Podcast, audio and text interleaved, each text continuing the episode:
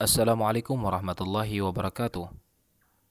Pemirsa Ma'rifatul Islam di mana pun Anda berada, Alhamdulillah pemirsa dapat berjumpa lagi dengan Ma'rifatul Islam yang kembali akan menyajikan kepada para pemirsa informasi tentang hukum-hukum fikih yang ringkas, praktis, yang dapat dipertanggungjawabkan sesuai dengan dalil Al-Quran dan Sunnah Rasulullah Sallallahu Alaihi Wasallam.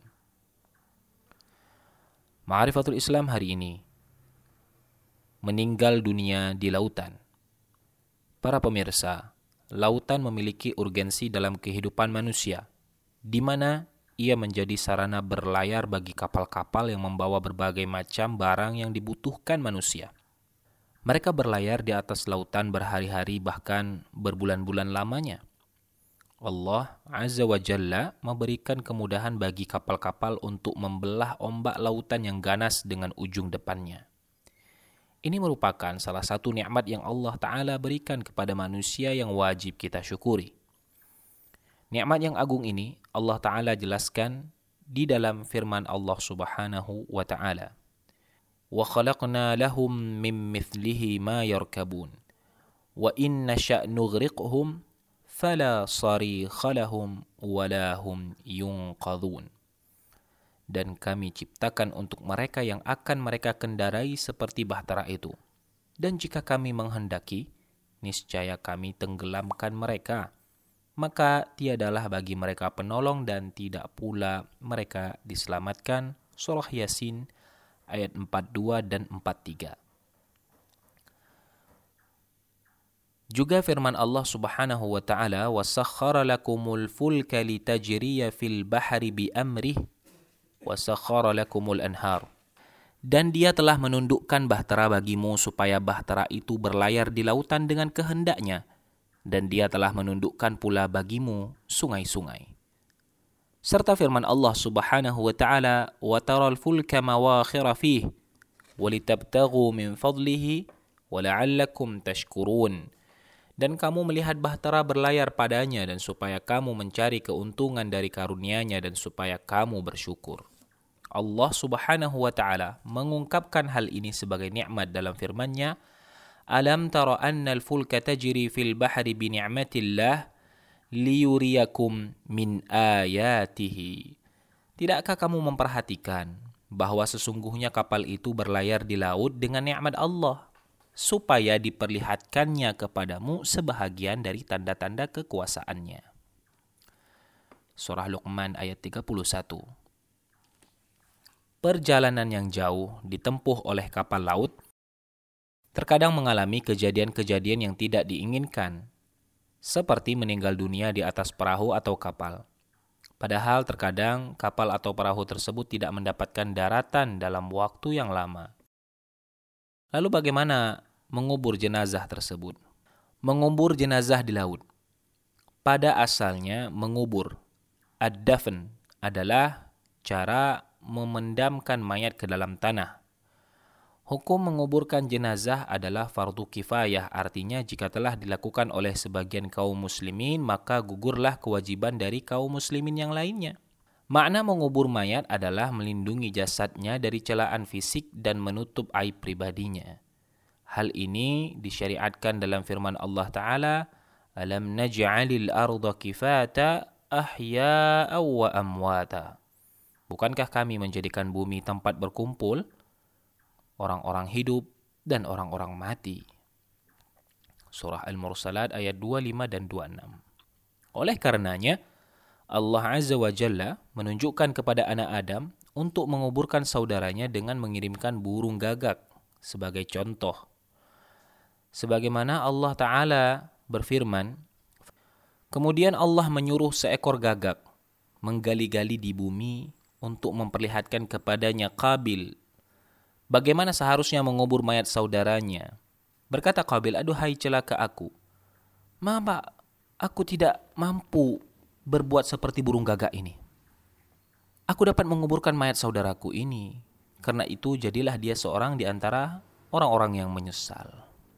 Demikian sebaik-baik tempat menguburkan adalah di pemakaman yang telah dikhususkan agar sesuai sunnah dan senantiasa didoakan oleh orang yang melintasnya. Namun, jika meninggal di kapal perahu atau di kapal yang besar yang sedang berada di tengah lautan. Para ulama sepakat agar diupayakan terlebih dahulu mencari daratan terdekat untuk dikuburkan dengan tanah.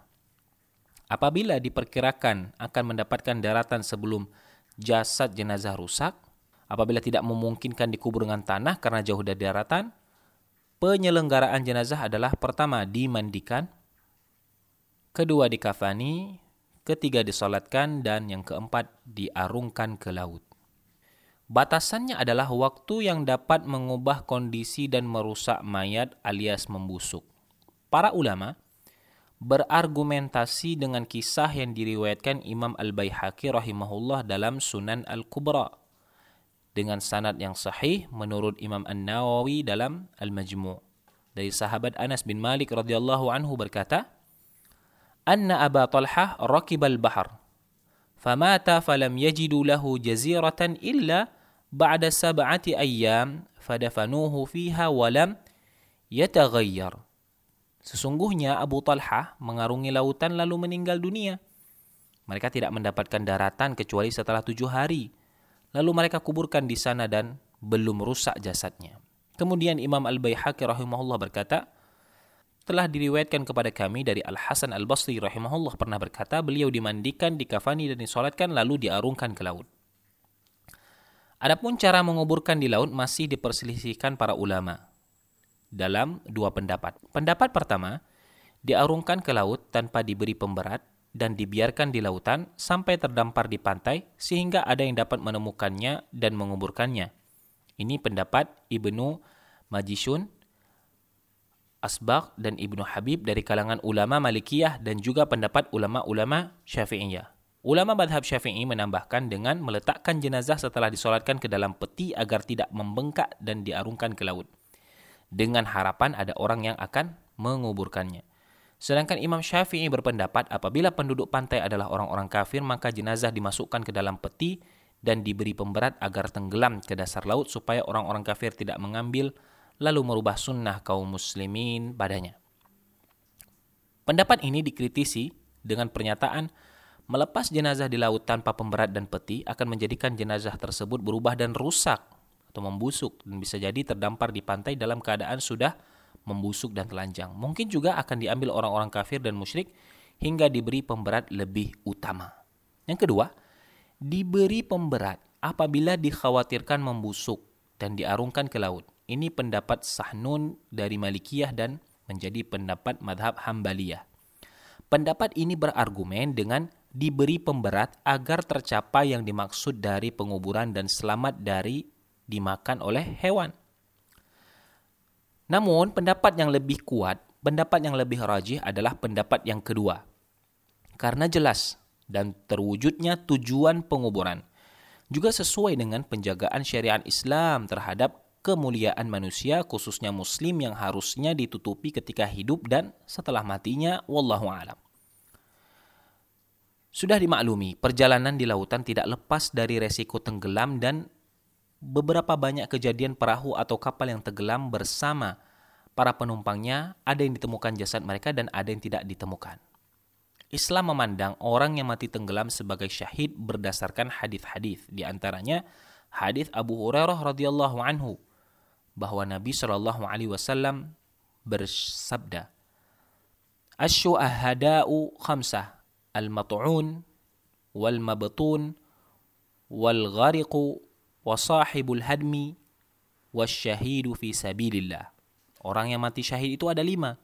Orang yang mati karena ta'un, kolera, kemudian orang yang mati karena sakit perut, kemudian orang yang mati tenggelam, kemudian orang yang mati karena terpendam reruntuhan dan yang terakhir orang yang mati syahid di jalan Allah. Hadis riwayat Bukhari dan Muslim. Dalam hadis Abdullah bin Busr radhiyallahu anhu bahwa Rasulullah sallallahu alaihi wasallam bersabda, "Al-qatilu fi sabilillah syahidun, wal mabtunu syahidun, wal mat'unu syahidun, wal ghariku syahidun, wan nufasa'u syahidatun." Orang yang terbunuh fi sabilillah adalah syahid. Orang yang mati karena penyakit perut adalah syahid. Orang yang mati karena wabah kolera adalah syahid. orang yang mati karena tenggelam adalah syahid dan wanita yang mati karena melahirkan adalah syahid. Hadis riwayat Tabrani dan Syekh Albani mensahihkan hadis ini. Juga hadis Jabir bin Atik radhiyallahu anhu bahwa Nabi sallallahu alaihi wasallam bersabda, "Asy-syahadatu sab'un siwa al-qatl fi sabilillah.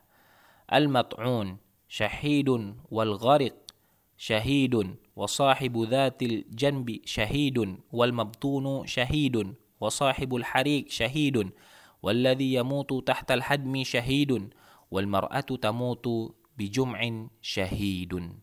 Syuhada orang yang mati syahid yang selain terbunuh di jalan Allah Ta'ala itu ada tujuh orang. Yaitu korban wabah ta'un adalah syahid. Mati tenggelam adalah syahid. Penderita penyakit lambung syahid. Mati karena penyakit perut adalah syahid. Korban kebakaran adalah syahid. Yang mati tertimpa reruntuhan adalah syahid. Dan orang wanita yang meninggal karena melahirkan adalah syahid. Hadis riwayat Abu Daud. Dengan demikian jelas bahwa orang yang mati tenggelam adalah syahid. Sehingga Syekhul Islam Ibnu Taimiyah rahimahullah pernah ditanya tentang orang yang menaiki perahu untuk berdagang lalu tenggelam apakah dikatakan syahid? Beliau rahimahullah menjawab, ya dia mati syahid apabila tidak bermaksiat dalam pelayaran tersebut. Juga Imam Nawawi memasukkannya ke dalam syahid akhirat. Beliau rahimahullah menyatakan lafaz syahadat mati syahid yang ada dalam syuhada akhirat maksudnya adalah syahid dalam pahala akhirat bukan tidak dimandikan dan disolatkan. Demikian juga para ulama madhab yang empat sepakat menganggap orang yang mati tenggelam sebagai syahid. Oleh karenanya, para ulama fikih sepakat orang yang tenggelam dimandikan dan dikafani serta disolatkan. Imam Ibnu Qudamah rahimahullah berkata, tidak kami ketahui dalam hal ini perbedaan pendapat. Kemudian, Imam Ibnu Qudamah rahimahullah memberikan alasan dalam pemandian orang yang mati tenggelam dan tidak menyamakannya dengan orang yang mati syahid dalam pertempuran dengan menyatakan Nabi Shallallahu Alaihi Wasallam tidak memandikan orang yang mati syahid dalam pertempuran karena bisa menghilangkan darah yang dianggap baik oleh syariat atau karena sulitnya memandikan mereka karena banyaknya atau karena adanya luka-luka. Ini semua tidak di sini. Jelaslah di sini orang yang mati tenggelam tetap dimandikan dan disolatkan seperti jenazah pada umumnya wallahu taala a'lam bissawab. Pemirsa, demikian Ma'rifatul Islam hari ini. Semoga tayangan kali ini menjadi penambah ilmu bagi para pemirsa yang belum mengetahui serta menjadi pengingat kembali bagi para pemirsa yang sudah mengetahui demi mendukung agar Ma'rifatul Islam terus berkembang menjadi lebih baik. Apabila pemirsa memiliki kritik ataupun saran serta masukan, maka tidak perlu sungkan ataupun ragu untuk mengirimkannya ke redaksi Insan TV sebagaimana yang tertera di layar kaca Anda. Ma'rifatul Islam akan menerima semua saran, kritik dan masukan, serta pertanyaan pemirsa dengan rasa syukur dan tangan terbuka. Akhir kata terima kasih. Wabillahi taufik. Wassalamualaikum warahmatullahi wabarakatuh.